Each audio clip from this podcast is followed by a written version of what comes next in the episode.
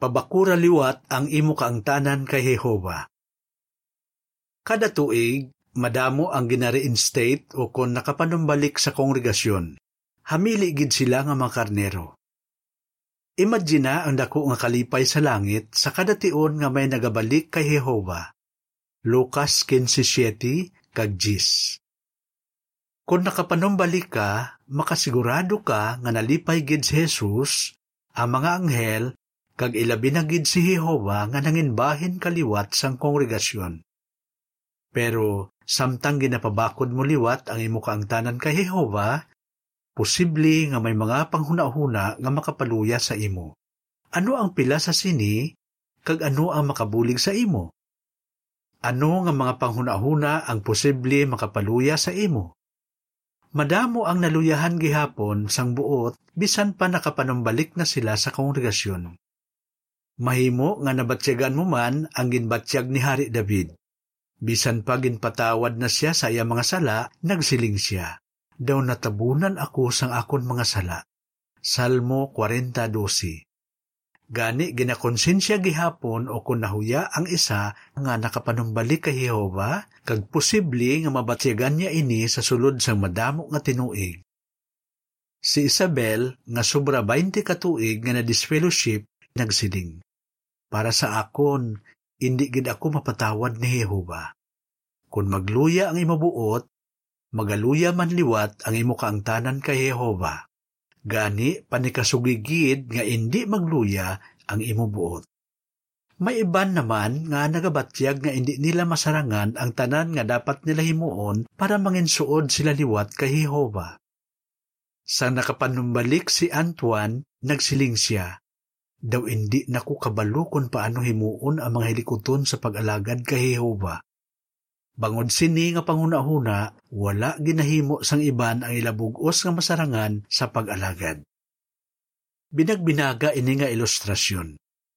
Kung naguba ang balay sang isa ka tawo bangod sang bagyo, mahimo ginapaminsar niya kung daw ano kadako ang dapat niya kayuhon kag kung daw ano niya ini kadugay matapos. Gani, mahimo magluya ang yabuot. Kung naguba ang imo kaangtanan kay Jehova bangod sa seryoso nga sala, mahimo nagabatyag ka man nga dako gid nga panikasog ang dapat mo himuon para makayo ini. Pero may makabulig sa imo. Ginaagda kita ni Jehova. Kari kamo, maghambalanay kita kag buligan ko kamo na tadlungon ang inyo kaangtanan sa akon. Isayas 1.18 Nagpanikasog ka na nga matadlong ang imo kaangtanan kay Jehova, kag nalipay gid siya sa ginhimo mo. Huna-hunaa ini, bangod nagbalik ka kay Jehova, pwede niya gamiton ang imo halimbawa para masabat ang panumbungon ni Satanas. Paagi sa pagbalik kay Jehova, nagapalapit ka sa iya, kag nagapromesa siya nga magapalapit siya sa imo. Pero bisan pabahin ka na liwat sang kongregasyon, kaginabaton ka na sa mga kauturan, may dapat ka pa himuon. Dapat mo padayon nga pabakuron ay mo gugma sa imo amay kag abyan nga si Jehova. Paano mo inihimuon? Himua ang mga masarangan mo lang anay himuon. Panikasugi nga himua ang mga masarangan mo lang anay himuon Posible nga wala mo panalipatan ang mga natun-an mo parte kay Jehova kag sa iya promesa nga paraiso. Pero kinahanglan mo maghimo liwat sang maayo nga schedule sa pag-alagad. Nalakip sa sini ang regular nga pagbantala, pag-attend sa mga meeting, kag pagpakig-upod sa mga kauturan. Binagbinaga ang pilas sa mga pwede mo himuon. Permi mga muyo kay Jehova Nahangpan sang imo amay nga posible na budlayan ka nga mga muyo sa iya bangod ginakonsensya ka. Pero magpadayon sa pagpangamuyo kag isugid ka Jehova nya gusto mo gid siya manginabyan. Roma 12:12. Si Andre nagsiling, ginakonsensya gid ako kag grabe gid ang akon kahuya.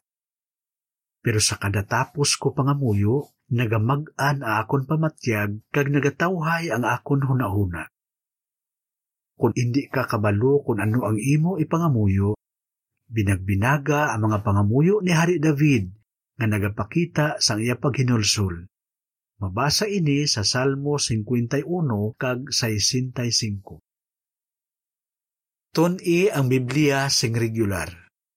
Makabulig ini para magbakod ang imo pagtuo kag gugma kay Jehova.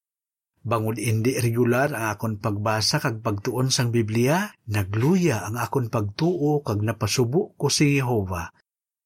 Siling ni Filipi. Indi ko gusto nga masulit ang akon sala, gani ginsigurado ko nga mangin regular ang akon personal nga pagtuon. Mahimo mo man ini. Kung kinahanglan mo magpili sa mga topiko para sa imo personal nga pagtuon, pwede ka magpabulig sa imo hamtong nga abyan. Pabakura liwat ang imo kaangtanan sa imo mga kauturan. Nabalaka ang pila nga nakapanumbalik sa kongregasyon kay base akig sa ila ang iban nga kauturan. Si Larissa nagsiling, Nahuya gid ako. Ginapaminsar ko nga nasakitan gid ang mga kauturan sa ginhimo ko. Malawig nga tiun nga amo sini ang akon ginapaminsar. Makasalig ka nga gusto ka buligan sa mga gulang kag sang iban pang hamtong nga mga kauturan para magbakod liwat ang imo kaangtanan kay Jehova. Nalipay gid sila nga nagbalik ka. Kag gusto nila nga mangin malipayon ka. Ari ang dugang nga impormasyon. Ano ang pwede himuon sa mga gulang? Dako gid ang mabulig sa mga gulang sa mga na-reinstate o kung nakapanumbalik para magbakod liwat ang ila kaangtanan kay Jehova. Ari ang mga pwede nila himuon. Ihambal kag ipabatyag sa ila nga ginapalangga sila. Kabalo si Apostol Pablo nga posible madaog sang tuman nga kasubo ang nakasala nga nagbalik sa kongregasyon. Ikaduhang Korento 2.7 Mahimo nga nahuya siya kag naluyahan sang buot.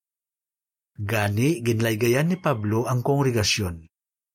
Patawaran ninyo siya kag paliguna. Dapat mabatyagan sa mga nakapanumbalik nga palangga gid sila ni Jehova kag sang ila mga kauturan.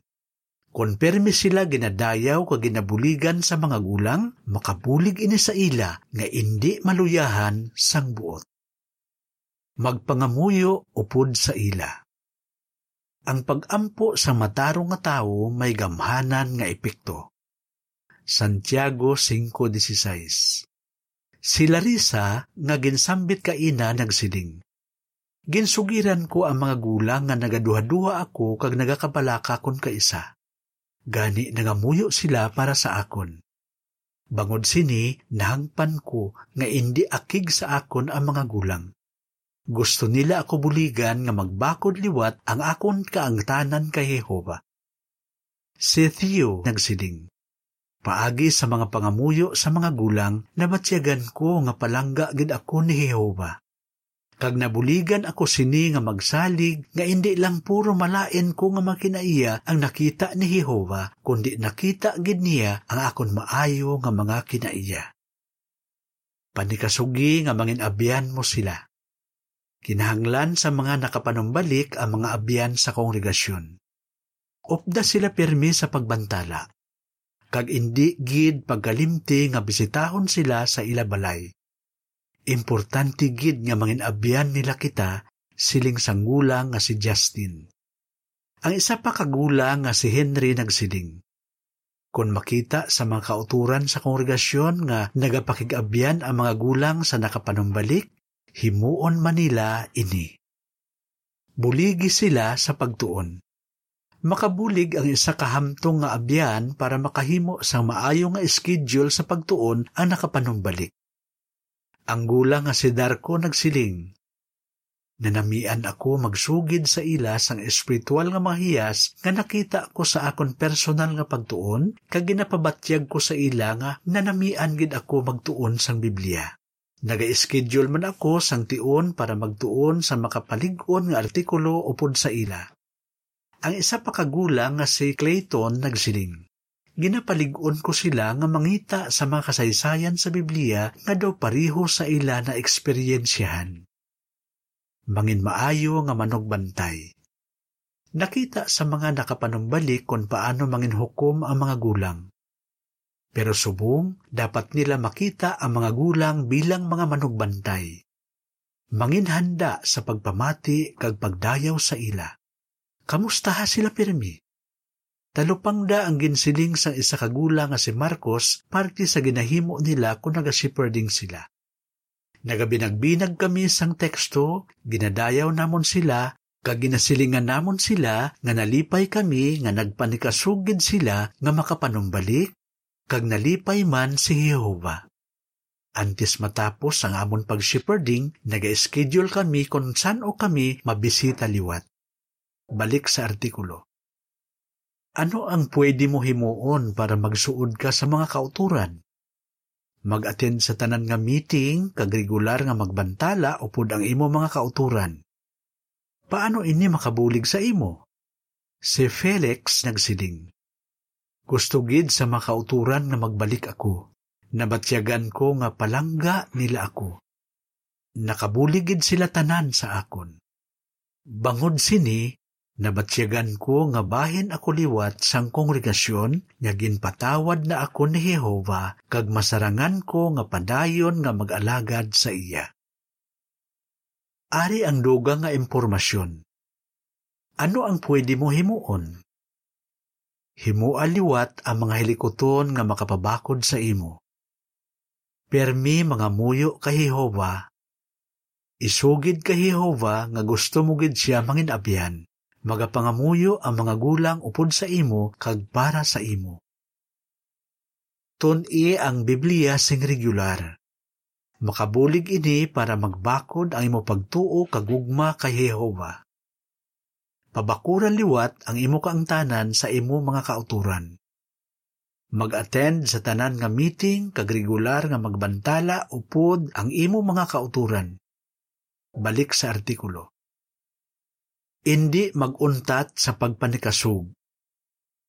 Samtang ginapabakod mo liwat ang imo kaangtanan kay Jehova, tinghuan man ni Satanas nga paluyahon ka paagi sa mga problema nga daw mga bagyo. Gani, padayon nga pabakura ang imo kaangtanan kay Jehova.